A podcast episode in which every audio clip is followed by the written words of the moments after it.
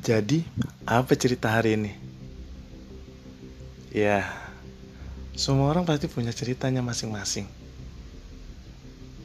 Semua orang pasti punya cerita di aktivitas kesehariannya. Dan semua orang pasti ingin menceritakan semua cerita kesehariannya. Jadi, mari bercerita hari ini. Cerita tentang hari ini.